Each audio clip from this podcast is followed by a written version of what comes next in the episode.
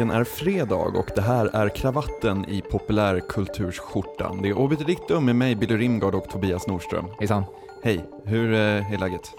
Eh, jo tack, bara bra. Eh, Nyss hemkommen. Från New York. Från New York ja. Eh, jag var, där en vecka och hade mysigt. Är det Sveriges tredje största stad? Ja, jag tror det. Efter eh, Solna och eh, Södertälje. Ja.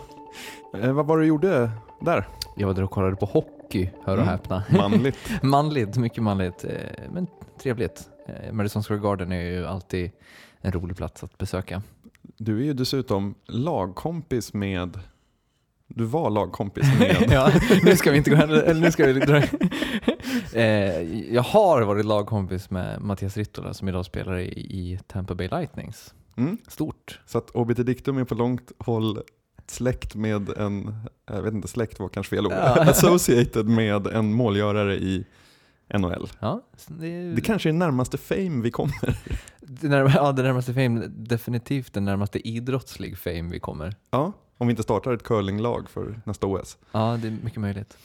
Ehm, då har det inte blivit så mycket popkulturkonsumtion för dig. Det har ju blivit en del ändå. Ja. men, men, men, man, ser ju till att hålla sig nära populärkulturen var man än befinner sig i världen. Jag gör det i alla fall. Eh, men hur har det sett ut här på hemmafronten? Jag har faktiskt ägnat tiden åt att kolla ikapp massa tv-serier. Eh, och så har jag läst eh, Justin Cronins The Passage. Ja, men hur är den? Jag har hört mycket gott och eh, har den liggande hemma. Eh, det är ju så här, när, när citat riktiga ci- slutcitat författare ehm, ska skriva lite så här science fiction inspirerad, eller science fiction är det ju absolut inte, det är ju en, det är ju en vampyr, eller ja, virus egentligen, virusapokalyps.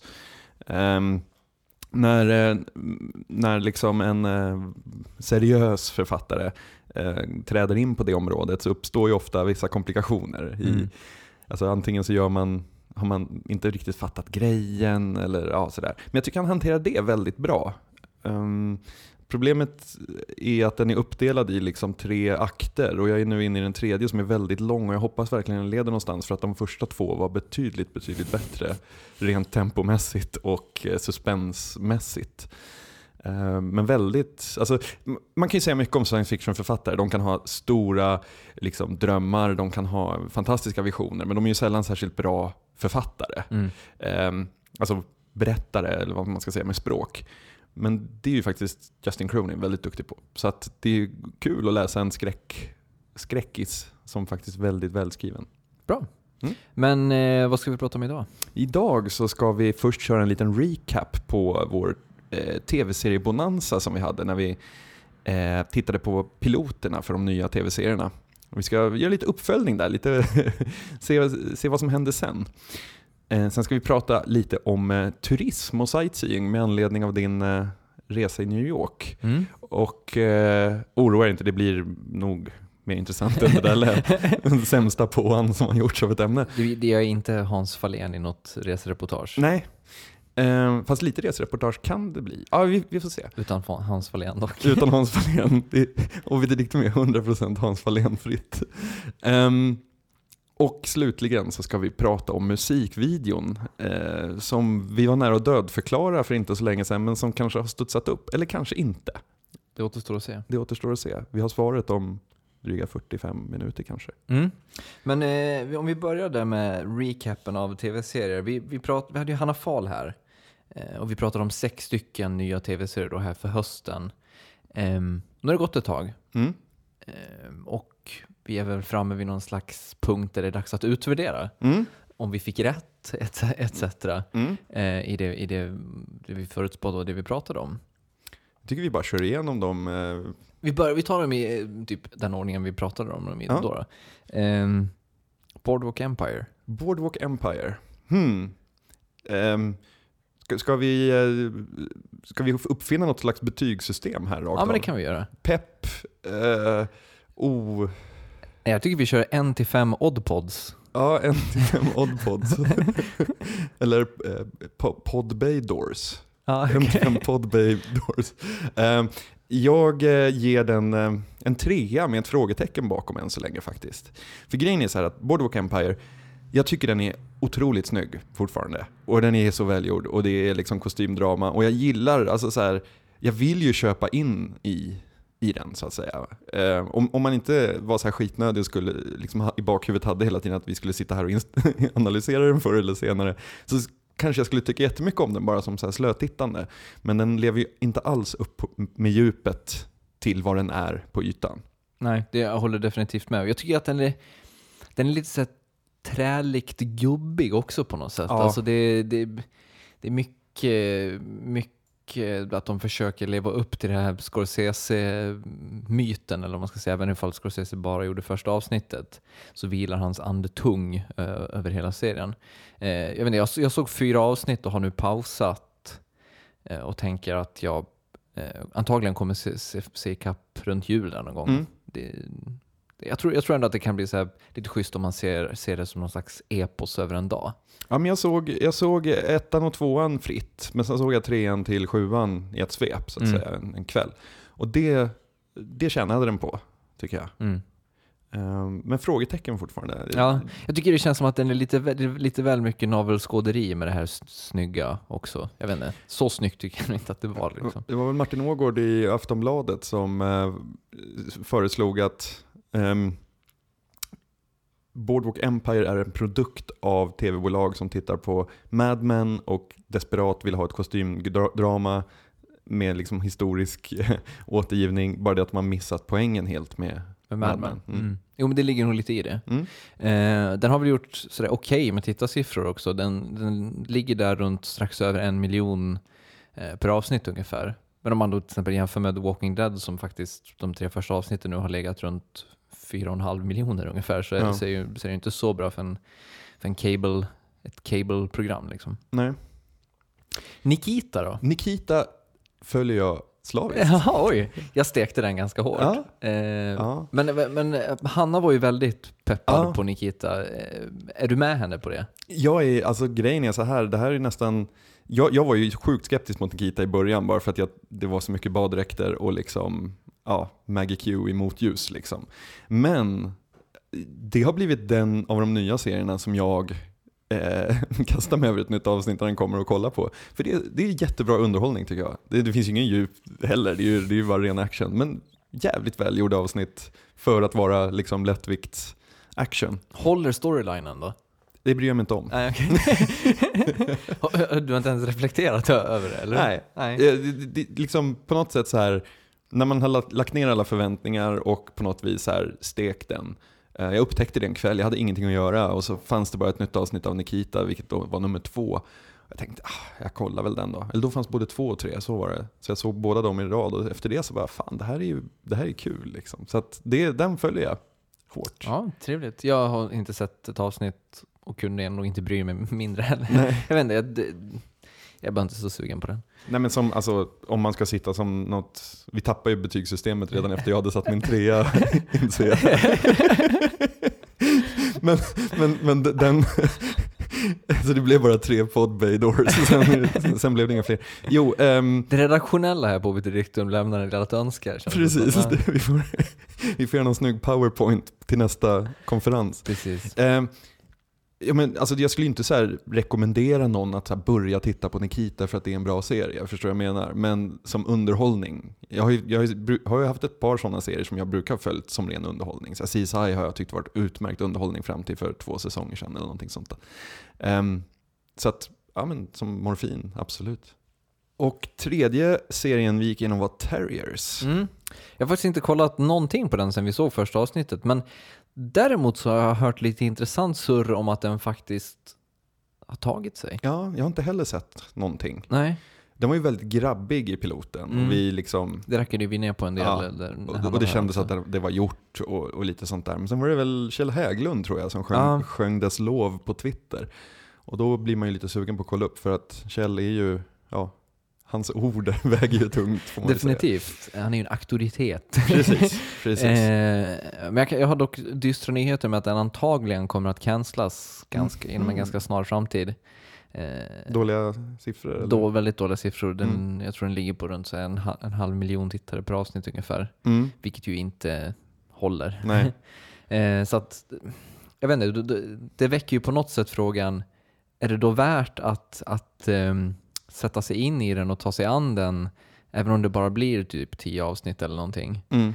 Eh, det kanske är bättre att här, inte veta vad det var man missade, eller? Vad, vad tror du? Ja, alltså min, min plan har väl varit lite att så här, vänta in jullovet och sen se när alla andra serier har paus så kollar jag igenom hela den liksom. Mm. Eh, och ger den en chans då. då. Men nej, ingen, ingen åsikt ännu. Mm. Eh, och sen har vi Bleep My Dad Says, Ja, nej den har inte jag sett. Shatner-serien. Ja. Eh, jag, har sett, jag såg ett avsnitt till efter den andra, sen har det inte blivit av. Det kan hända att jag, att jag kollar ikapp den någon gång, men jag, det är samma sak där. Jag bryr mig inte så jäkla mycket. Nej. Men den har gått ganska bra, har jag Mm. förstått. Den har ju väldigt lyckosamt timeslot där direkt efter The Big Bang Theory, Just det. som jag nog tror hjälper till. Eh, för The Big Bang Theory är ju liksom väldigt stor, så att Geek hour. precis. Och, och när Shatner följer på det så är det väl lätt att man sitter kvar kan jag tänka mig. Mm. Ehm, så att den, den ligger där runt 10 miljoner tittare per avsnitt. Uh, Mäktigt. Ju, mäkt, ja, det är helt okej. Ehm, men ändå, alltså sitcoms med laugh track, Ja. är, är inte så 90s? Jo, alltså jag gillar Big Bang Theory jättemycket. Den tycker Ja, den har och för sig också laugh track, men ja. Absolut, men, men jag tycker den är väldigt rolig. Mm. Ehm, Den vinner ju på sin geekdom. ja, referenshumor. Ja. Absolut. Men jag ser generellt ganska få alltså, av den sortens komedier. Sådär. Men vidare. Vidare. Ehm, The Event, The Event, oj oj oj. eh, som Den har vi väl deklarerat vår avsky mot tidigare. Ja, vi har varit inne på det. Men det roliga var ju, alltså, Hanna presenterade ju en teori där som gjorde att, jag hade inte ens tänkt se några fler avsnitt, men när Hanna deklarerade sin teori där så blev jag ändå så lite eh, begeistrad och intresserad av vad som skulle kunna tänkas hända. Mm. Så jag gav dig, vi gav dig några avsnitt till, du och jag gav väl upp det samtidigt någon gång när det kom Deus Ex Machina på Deus Ex Machina eller Ja. någonting sånt. Winnebago Ex Machina. Ja, eh, och den, men den har väl gjort okej, gått okej ändå så vitt jag har förstått. Och den har ju blivit så att den kommer i alla fall gå, den är inte cancellad och den kommer få höst, hösten på, eller nej, vad menar jag säga, våren på sig också. Mm. Ehm, så jag vet inte. Eh, det kan, det, jag, jag, har, jag har små misstankar om att jag kanske kommer komma tillbaka till, Ja. till det event.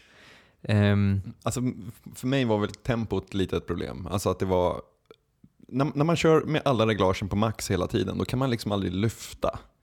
Det, det blir liksom, Nej men det är det på något sätt här som är... Eh, alltså, om man får höra att den lyfter ä- ändå, eller förstår du vad jag menar? Har du hört det? Nej, det har jag inte. den jag vet att den kommer komma tillbaka där efter uppehållet någon gång i februari med en två timmars specialare. Mm. Ehm, så jag vet inte, det, det är en... Man, ens tid är ju dyrbar också Ja. och man fyller den redan med så mycket tv-serier. Att det, är liksom, det är nästan lättare att hålla fast vid de gamla trotjänarna. Mm. Ehm, men sist då, This is England 86. Ja, den har jag fortsatt titta på. Ja, vad, vad tyckte du då? Ja, men jag är, den, den var bra. Du är med mig? Ja.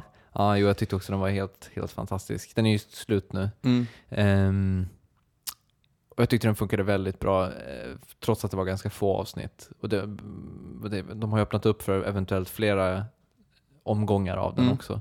Eh, den kommer till exempel visas på Stockholm Filmfestival, hela serien på duk. Mm. Eh, kan vara trevligt. Ja. För, de, för de som inte har sett den så kan jag rekommendera det, eventuella Stockholms lyssnare. Ja. Ja, men där, den som, det som tilltalar mig med den på något vis, det var väl liksom just den stora skillnaden i tempo mot event. Ja. Alltså, den följde inte den här liksom, primetime USA-mallen, utan den berättade sin historia på ett annat sätt. Mm, precis. Och på något sätt så, det är så töntigt, men ibland så blir det verkligen så här, det är ungefär som när man ser asiatisk film, att bara för att mallen är lite annorlunda så blir man så här, tycker man att det är en jättebra film, bara för att ja, det var inte samma som vi alltid har sett. Liksom. Är du lika förälskad i LOL som jag blev? Alltså det är ju svårt att inte vara det, Ja. eller hur? Jätte, ja. Men det är många, många karaktärer man kan tycka om. jo, Där. det, så men, är det ju. men LOL är ju, ja, Hon är fantastisk. yes. Men vi kan ju konstatera att vi har ju nästan stekt merparten av de här. Mm. Faktiskt. Vad tror du det beror på? Att de inte var bra nog. Ja, jag menar det är inte så att vi har slutat titta på TV, vi följer ju liksom Jo, Jag menar, som, ja, jag följer ju Stargate Universe och Fringe den här, de här säsongerna med liksom exalterat tillstånd. Mm. Båda är så otroligt bra. Ehm, så jag menar, och, och även Friday Night Lights, jättebra nya säsongen också. Ehm, så att, och det finns ju hur mycket som helst, vi kan ju sitta och rabbla tv-serier vi faktiskt följer. Ja. Eh, Men jag tyckte att, att de här, många vis, alltså de var, var lovande vid start, men har visat sig ganska svaga. Ja, och jag tror att det är nästan lite... Alltså jag reflekterade över det här häromdagen när jag kollade igenom vad det var för serier jag följde och märkte att det är ju nästan inga nya alls här. Eh, och jag kommer fram till att jo, men det är kanske inte så konstigt. Alltså, de jag ändå följer har jag liksom man, ackumulerat över flera år. Mm. Eh, så att det är liksom lätt att man håller sig till dem och sen hoppa på eventuella som kanske är bra som går nu senare, vid något senare tillfälle. Fast har, min känsla är så här att inför varje år, de senaste två åren kanske, efter Fringe, um, så har det på något sätt varit så för mig att jag, eh, jag vill så himla gärna att de nya serierna ska vara så bra. Mm, det är ju så. Som, man, liksom, som Flash Forward förra året. Så här, man bara ja, nya stora mysterieserien. Och så satt man där avsnitt efter avsnitt. Bara, men det, det kommer lyfta. Det kommer lyfta. ja. Men så lyfter det aldrig. Så det har varit lite svagt. Men det är väl finanskris och allting. Att man, är, man vågar inte gå all in på samma sätt som man gjorde med en serie som Lost. Ja, och sen när vi väl fick en ny serie som vi faktiskt älskade, den är Rubicon, så går den och blir nedlagd. Ja. Men, ehm, men du gick till Rubicon. Jag gick till Rubicon. En natt här i förra veckan när Tobias var över i New York så eh, låg jag sömnlös gjorde jag väl inte, men jag hade, inte på grund av att Tobias var i New York i alla fall. Jag hade vaknat på natten och låg och tummade på min iPhone när det rasslade till och en, en eh, bild kom eh, skickad till mig ehm, från Tobias. Mm, och jag hade faktiskt inte bara kamera med mig utan en bandare också. Eh, vi kan ju lyssna lite hur det gick till när jag tog bilden.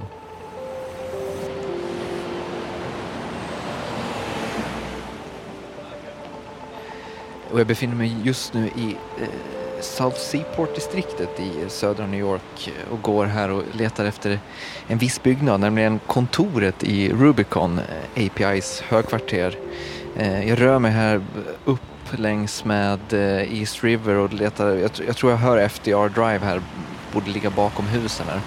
Ska se om jag kan komma fram här, jag letar efter ett eh, kvarter som ska ligga vid Front Street.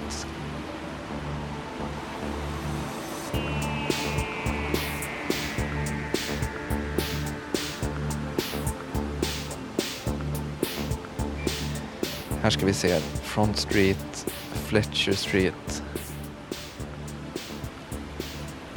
Ja men nu ska vi se, jag går ner här. Det ligger en parkering. Ja men här är det, här är det. Det är, en, det är den här röda tegelbyggnaden och där, där är även övervakningskameran. Ja. Eh, helt fantastiskt.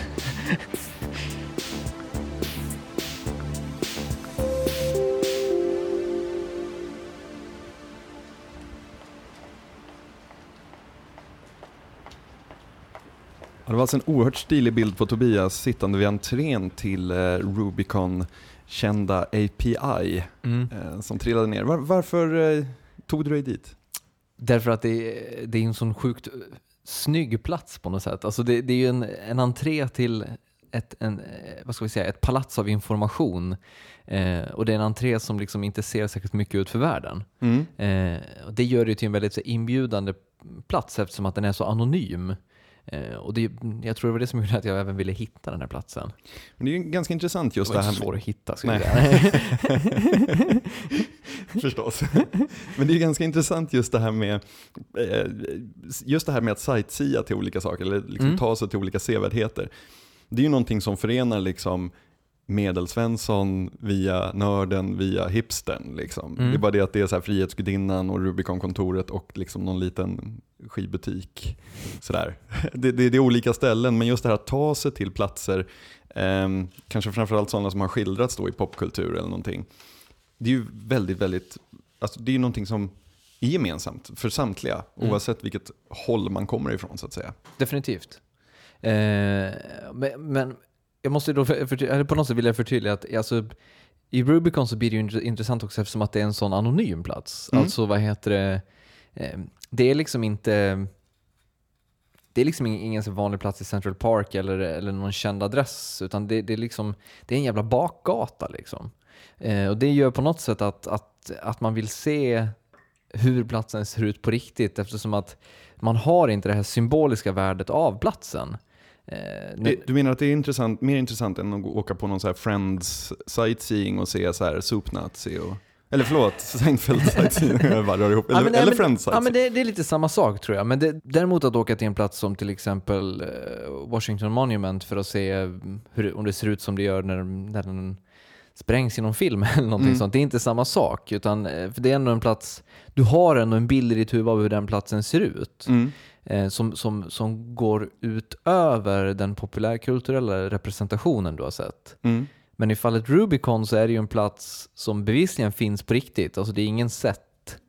Um, men samtidigt en plats som du har en, en, ingen relation till alls. Nej, men, men det intressanta tycker jag är ju det här att, och det här gör jag också självklart, men du åker dit och liksom insuper Rubicon-atmosfären genom att stå där utanför.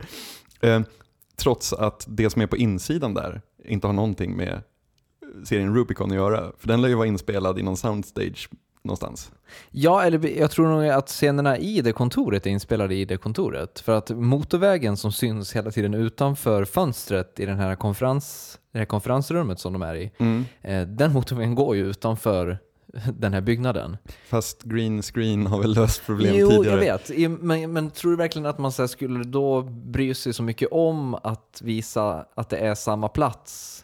När det, när det är en sån, eh, när, när själva dörren är en sån plats som kan egentligen finnas var som helst. Nej, alltså visst, just Rubicon kanske är ett, ett dåligt eh, exempel Ja, men jag förstår din poäng. och föra argumentet för, för den är ju lite speciell. Men om man exempelvis åker till 30 Rockefeller Plaza för att se 30 Rock så är det ju så här att de spelar ju ut in, ute i Queens. Mm. Alltså de, de spelar inte in i de studios som finns där. Liksom. Eh, likadant, kanske mest liksom, framträdande exemplet, CSI New York. De åker till New York en gång om året och skjuter alla utomhusscener till alla avsnitt. Mm. Och sen åker de tillbaka till sin studio, sin soundstage i Los Angeles. Liksom. Ehm, så att det där vad, alltså det intressanta tycker jag med just den här sortens eh, sightseeings och sådana saker, det är ju det att det är någon slags drömd bild. Alltså det är en, vi köper att CSI New York utspelas i New York, därför gör den det. Men sen åker vi dit och tittar på det fiktiva, alltså förstår du vad jag menar? Jo, så är det ju verkligen. Eh, Ett annat v- exempel är Mad Men, som vad heter det, då ska ju vara Madison Avenue Mm. i, New York, men som helt är inspelad i Los Angeles. Mm. Eh, så att, det, jag förstår precis vad du menar, men det, det handlar ju också på något sätt om att de här platserna som jag var inne på, de får ju det här symboliska värdet Mm. som på något sätt upplöser det verkliga värdet. Alltså det, det, det är ju, på, det är ju på, det är inte riktigt viktigt eh, om, om CSI New York faktiskt är inspelat i New York. Nej. Utan så länge du behåller illusionen av att det är inspelat i New York så, så, funkar det på något sätt. Ehm, det är ju samma sak som, som det finns som Gladiator som inspelade Colosseum. Mm. Om du åker till Colosseum så ser det inte ut som det gör i Gladiator. Nej. Nej. För det är ju en, en jävla green screen version. Ja. Ehm, men däremot så är det ju på något sätt en plats som berättar någonting om det som Gladiator berättar, eller förstår du vad jag menar? Eh, på samma sätt funkar ju Rubicon-dörren. Visst, Rubicon-dörren är ju inte API, APIs kontor på riktigt, men den berättar ändå någonting om... Eh, man vet liksom att Will Traverse har gått där, Mm. Mm. om du förstår vad jag Ja. menar. Eh, och det ger den ett värde mm, som jag kan tycka är ganska fint på något sätt. Det kan jag bli så besviken när de scoutar samma ställen att filma på eh, i många serier. Det som är, blir huvudkontoret i eh, 4400, det här som ligger liksom lite nedsänkt in i ett berg. Jag vet inte var det ligger någonstans, men det har ju förekommit i jättemånga serier som olika for, sorters kontor och sånt där. Och då har ju det tappat magin för mig. Alltså jag, åker jag, jag åker inte dit, nu skulle inte jag vallfärda någonstans för att se 4400 location. Men du förstår vad jag menar, den har liksom tappat sitt, sitt värde. Mm. Ehm, men blir det här lättare? Jag, jag kan känna att det blir lättare när det är så litterära vandringar. Alltså man ska säga så här Stig Larsson Stockholm eller Stig Trenter Stockholm eller Camilla Läckbergs, ja, vad är det hon? Ja, Fjä- ja. Fjällbacka. ja men du vet att, att, att tyskar och sådana kommer hit och ska gå de vandringarna. På något sätt kan jag köpa bättre när det är litterärt. Förstår du vad jag menar? När man vet när man inte vet helt säkert vilka det är som bor i det här hyreshuset, när man inte liksom, ja. Jo, men och sen i det, i det litterära fallet så tror jag också att man får en oerhört stör, man finner en oerhört, stor vinning i att man får se de här platserna som tidigare bara funnits i ens hjärna. Ja, Eh, precis. alltså när du, läser, när du läser böckerna så måste du konstruera de här platserna själv, Mm, om du nu inte har varit vid de platserna väldigt mycket. mm, Eh, Och det gör att när du sen får se dem så får du en enorm, enorm payoff när du kan relatera till platser som, som du egentligen aldrig har sett men som finns där ändå som representationer i dina tankar. mm, Ehm, och, eh, men jag tror att det blir att det istället då jag, jag, tror att, och jag tror att det finns ett liknande, ett liknande sätt man hanterar de här platserna man har sett på film eller i tv-serier. Alltså att när du, när du befinner dig vid de här platserna så bygger du ut den bilden eller den uppfattningen och den, vad ska vi säga, känslan du har fått av platserna genom att titta på dem, i- på skildringar av dem. mm. Och nu har du helt plötsligt så hela bilden. Eh, och du kan därmed ta in atmosfären bättre på något Mm. sätt. Eller förstår du vad jag menar? Eh, men sen just det också, det är ju på något sätt mytiska platser om man ska säga. Alltså, man vill ju att de ska leva upp till en myt om sig själva. Ja, Och det gör just platser väldigt sällan. verkligen. Eh, man har en idé om att de ska se ut på ett visst sätt och sen gör de inte riktigt det. Jag, jag, hade en period där jag läste så här extremt mycket om så här Berlin under kalla kriget.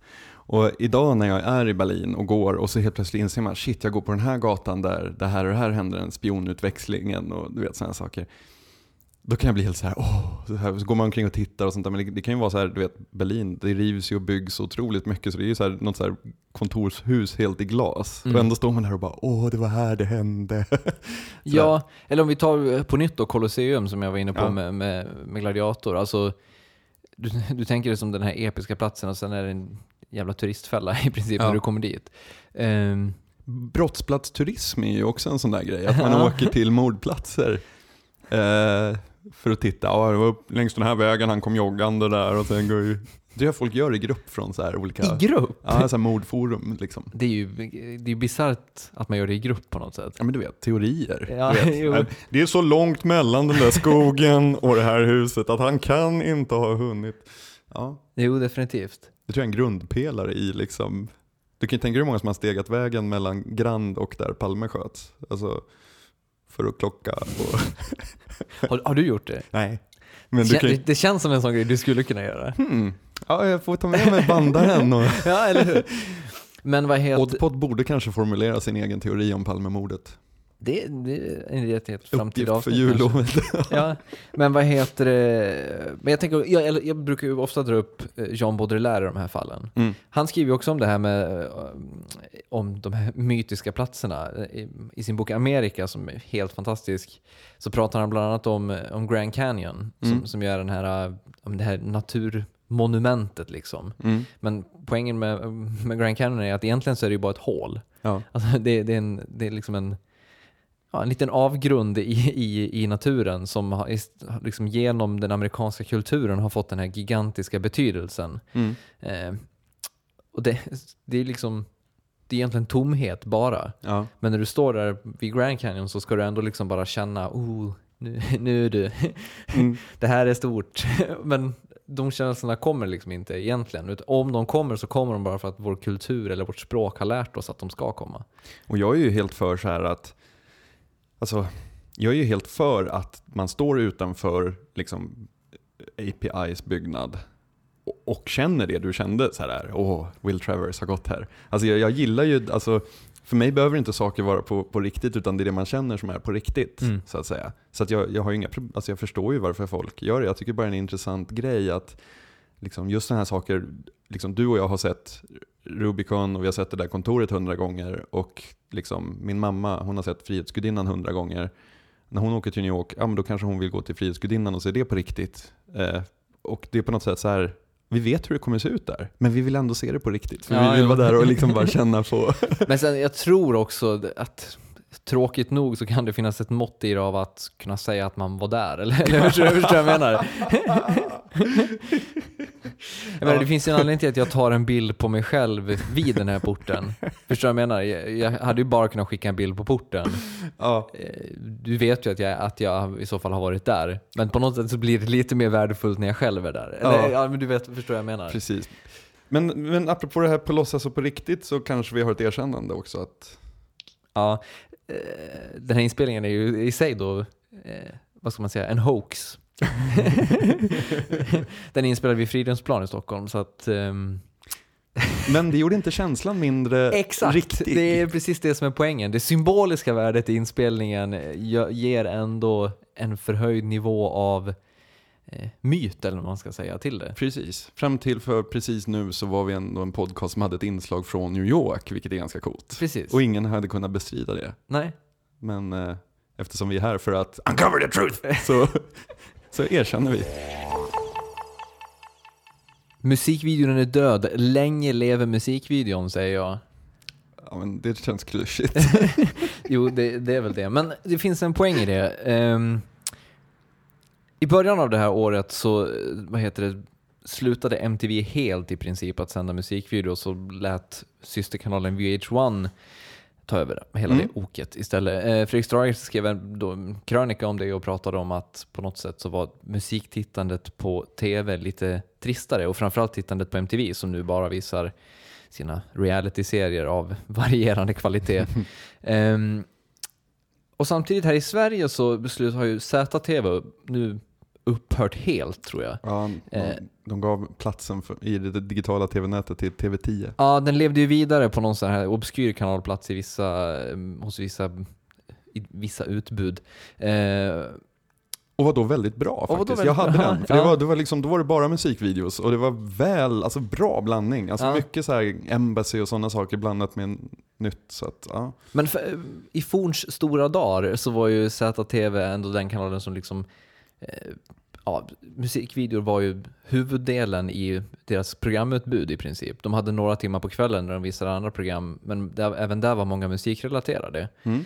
Ehm, och sen kom TV6 då, som, eller säger man kanal 6? TV6. Ja, TV6 och um, körde över eller musiktittandet helt i princip och visade Monster Jam och Wrestling. Cha- Champions League wrestling och massa komediserier och actionfilmer. De, de kände att det inte fanns någon kanal för unga män. Nej, precis. Men och det här är väl ändå på något sätt helt naturligt eh, i och med att vi idag tittar på musikvideos bara på YouTube i princip. Mm. Eh, och det finns liksom ingen anledning att sitta och blänga på eh, tre timmar random videos med senaste rb släppen när du liksom kan välja ut precis kan designa en spellista precis som du vill ha den på vilken dator som helst i princip. Vad tror du att det här har betytt för musikvideon? Tror du att musikvideon lever och frodas som aldrig förr eller tror du att musikvideon på något sätt har tappat sin eh, sin kulturella, sitt kulturella värde genom att den inte visas för de stora massorna längre. Alltså jag tror att musikvideon lever och frodas som aldrig förr fast på ett helt annat sätt. Eh, Utveckla. Ja, tack. um, sen när Duran Duran hade spelat in Rio ehm, så spelade de in tre stycken videos till Rio, Hungry Like the Wolf och Save a Prayer. Och grejen var att det här var, skivan släpptes i maj 82 och en snubbe som heter Russell Mulcahy, som, Mulcahy, ja, knepigt efternamn, han ville göra film. Eh, men fick inte, det var ingen som ville ge honom budget för att göra några filmer. Så han använde all budget till, han fick till musikvideos för att göra sina filmer. Och just då så älskade han Raiders of the Lost Ark, eller ja, Jakten på den försvunna skatten som den hette på svenska. Den hade precis kommit ut där året innan. Så han tog med sig Duran Duran och åkte då till eh, eh Indonesien tror jag det var. Och spelade in de här tre videorna då till Rio, Hungry Like, like the Wolf och Save a Prayer.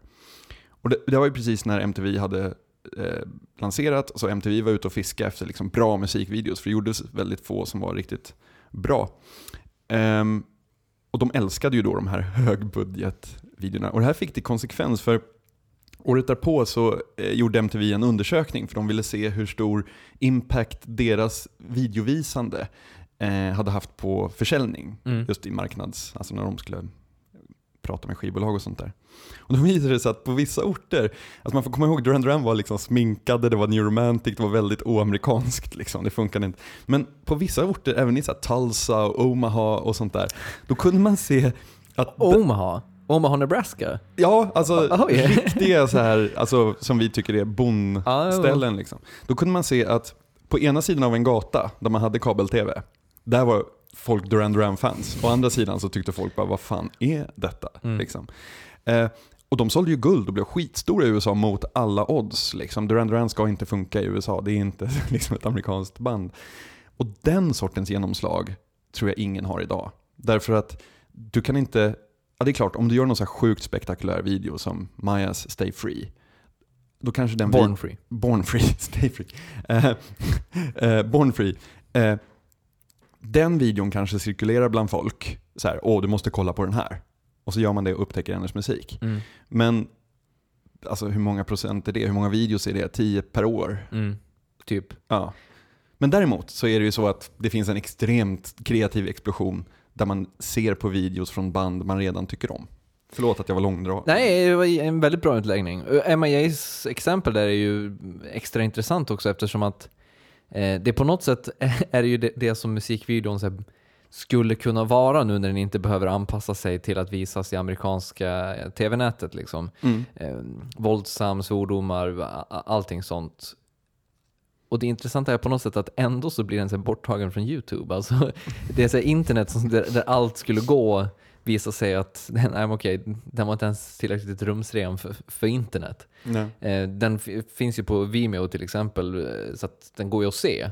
Men det är, det är, ändå, det är ändå en intressant markör för något, eh, känner jag. Men i och med att den är löftet på, no, på det här också så, så kan den ju utforska saker som skulle vara omöjliga att göra till, eh, till MTV, när Mm. MTV var som störst. Det, det finns ju videor som gjorde det redan då. Jag tänker Prodigy's Breathe, nej, Prodigy's Smack My Bitch Up var det, Just det. som i princip var, var totalförbjuden. Mm.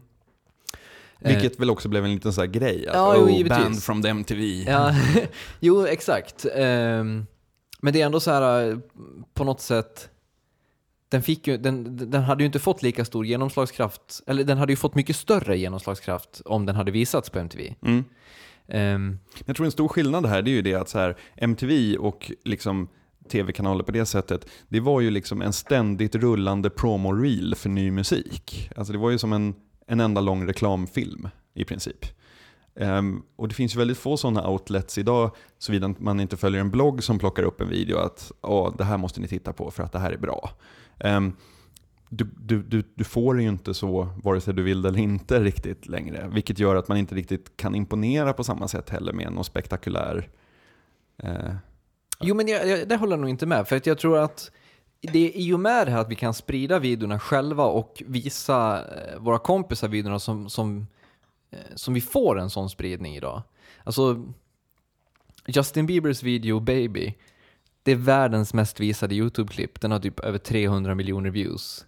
mm, Det säger ändå någonting om att så här, nu, nu är ju Justin Bieber en- liksom en världsartist i sig, men, men det säger ändå någonting om att, så här, att vi tittar sjukt mycket på musikvideos idag. Jag tror, Mm. att, vi, jag, tror, jag tror att vi kollar mer på, eh, per capita så tittar vi mer på musikvideos idag än vad vi någonsin gjorde när musikvideos bara gick på tv. mm, Ehm, ta bara en sån sak som, om du är hemma hos en kompis och vill att den kompisen ska höra en låt. mm. Ett väldigt smidigt sätt att göra det på är att gå in på YouTube, hitta låten och då är det stor chans att du även råkar hitta videon. Ja, verkligen. Ehm, och det gör på något sätt att, att musikvideon blir mer än bara musikvideon. Mm. Och jag tror att, det, det, att artister, både stora och mindre, först nu eller de senaste åren har fattat det och börjat utnyttja det. Att man kan göra videon till en snackis. Mm. Jag nämnde Kanye Wests video här för några avsnitt sedan att jag eh, Video slash långfilm. Video slash kortfilm i alla fall.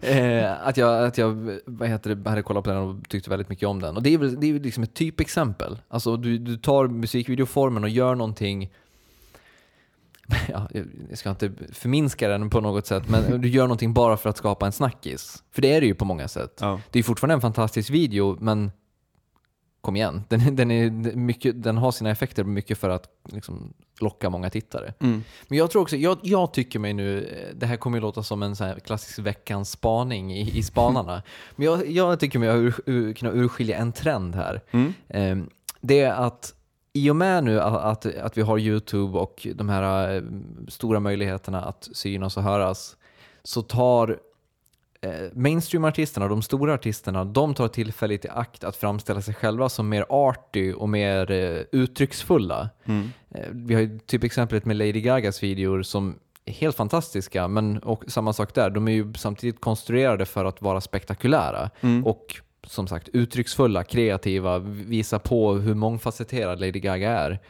Um, och även då Kanye Wests video då. Um, men sen har vi ju även, eh, du eh, nämnde även Maya. Men sen eh, om man då istället kollar på de mindre artisterna, så i och med att de helt plötsligt har utökade tekniska möjligheter, vad gör de då? Jo, de försöker göra de här eh, videorna som de aldrig hade kunnat gjort innan, alltså de här videorna som ser ut att vara storbudgetmusikvideos. Alltså Ja. inte de artsy grejerna, Nej. utan de här coola grejerna, de dyra grejerna. Ja. Eh, Så att på något sätt, i och med att YouTube och tekniken har, har tillåtit dem så vill de små artisterna vara megastjärnor och de stora artisterna vill bli artistiska indiestjärnor. Eller förstår du vad jag Ja. menar? Har jag rätt? Ja, jag, skulle, jag ger det faktiskt rätt. Jag har inte tänkt på det själv på det sättet, men när du säger det så ligger det väldigt mycket i det. Ehm, och det är väl på något sätt så här, har, har inte liksom indie blivit sån jävla cred? Alltså, Ja. alltså stora filmer filmas med handburen kamera och lite bleka färger och man vill gärna att det ska se ut som en indiefilm, även fast det finns liksom jättebudgetar Mm. bakom. Eh, och de här stora liksom, det, det är klart att Kanye drömmer om att vara så lika kreddig som, som Daft Punk. Liksom. Eh, fast han aldrig kommer kunna vara det. Liksom. Eh, eller kanske han kan. Där var, jag slängde ur med någonting. Interstellar 5555 är väl annars typ världens bästa musikvideo, Ja. om man nu kan kalla det en musikvideo. Absolut, absolut. Det är en lång film. Ja, det, det, det är en lång film. Ehm, och jag tycker man blickar, och nu är inte Daft Punk något indieband på något sätt, men de kommer ju ändå från någon slags alltså gator. Mer alternativ. Ja, precis. eh, En källare i Frankrike. Mm. Vi, Vilket i och för sig kanske inte är en skillnad mot källare i New York, men ja, vi, vi lämnar alla nyanser där. Men det är klart att så här, typ så här Arcade Fire, de här som ligger på mellanskiktet mellan superstardom och indie, liksom, att det, det har blivit någon slags ideal kan jag känna, att många strävar dit. Det är ju bara Lady Gaga som fortsätter att ta ut det här extrema. Jag menar, det kom en video när Beyoncé är på gatan och dansar med några som håller på och kör, kör någon dans där så här, och hon hoppar in helt spontant. Där. Mm. Ehm, jag tycker det finns väldigt många stora artister som försöker närma sig gatan. Mm, Liksom. det är smalare. Jo, definitivt. Och Jag tänker alltså, av de här små, det- typ, några exempel är väl The Drums eh, video till Let's Go Surfing när de springer på den här stranden som är Mm. sjukt snygg eh, rent kameratekniskt och liksom ljusmässigt. Eh, det, det är ju en video som ett sånt litet band inte skulle kunna ha gjort för tio år sedan. Eller Mm. hade inte fått pengar till att göra det för tio år sedan. Nej. Eller svenska The Sound of Arrows till deras Into the Clouds. Mm. Jag är inget stort The Sound of Arrows-fan, men den videon som är liksom så ser ut som någon sån här megabudgetgrej i Disney-pastellfärger. Liksom. Mm. Eh, den hade ju varit totalt omöjlig att göra för tio år sedan. Men samtidigt så kan jag känna också så här att om man tittar nu på videorna, det är väldigt mycket närbilder. Alltså alla Mm. vet att de gör det för ett, ett YouTube-fönster som är 580 gånger 325 stort. Va? Mm. Ehm, så det, det är inte de här, alltså de här helikopteråkningarna i November Rain ser man ju inte. Nej, eh, förvisso, men det är väl bara en tidsfråga, eller? ja, kanske. När, det liksom, när alla sitter med, eh, när alla vet att alla kollar på det i HD-kvalitet och liksom det inte finns några dåliga filmer. Så. Ja, men jag tycker ändå att alltså, det, är ju, det är ju ganska vackert också, just hela den här kulturen med, med de här musikvideoskaparna som har vuxit fram. Alltså de här som verkligen är nobodies och har inga pengar, men som ändå kan sitta och göra fantastiska musikvideos och lägga upp dem på Vimeo etc. Mm. Eh, Vi har ju Sebastian Rosenberg här i Sverige som har gjort några jättefina musikvideos. Mm. Om man nu vill kalla dem musikvideos. Jo men det, det, de är musikvideos. Mm. Ehm, så att det är på, på något sätt så, så flödar ju kreat- kreativiteten också. Japp. Och det, det tycker jag är väldigt, väldigt positivt. Och med det så är vi framme vid Obiter Dictums slutskede och därmed postskriptum. Ehm, och jag tänkte denna vecka tipsa om en av de här kreativa människorna på Vimeo, eh, nämligen en kille som heter Jamie Harley eh, som har en eh, fin liten kanal med massa olika musikvideos till kreddiga indieband. Och det han gör är att han tar gamla filmklipp och obskyra videoupptagningar och manipulerar dem helt enkelt på sin dator och ja, det blir vackra små musikvideor av det helt enkelt. Och jag tänkte tipsa om de inte mindre än fyra Alien-dokumentärer som släppts som Creative Commons Commons-licens i samband med att Alien Anthology givits ut på Blu-ray. Den är en av mina favoritfilmer och eh, mycket spännande bakom kulisserna. Titt där. Eh, Det var allt för oss den här veckan, men eh, nästa vecka så har vi en gäst i studion, nämligen medieanalytikern Glenn Beck. På återseende då. Missa inte det. Hej då. Tack hej!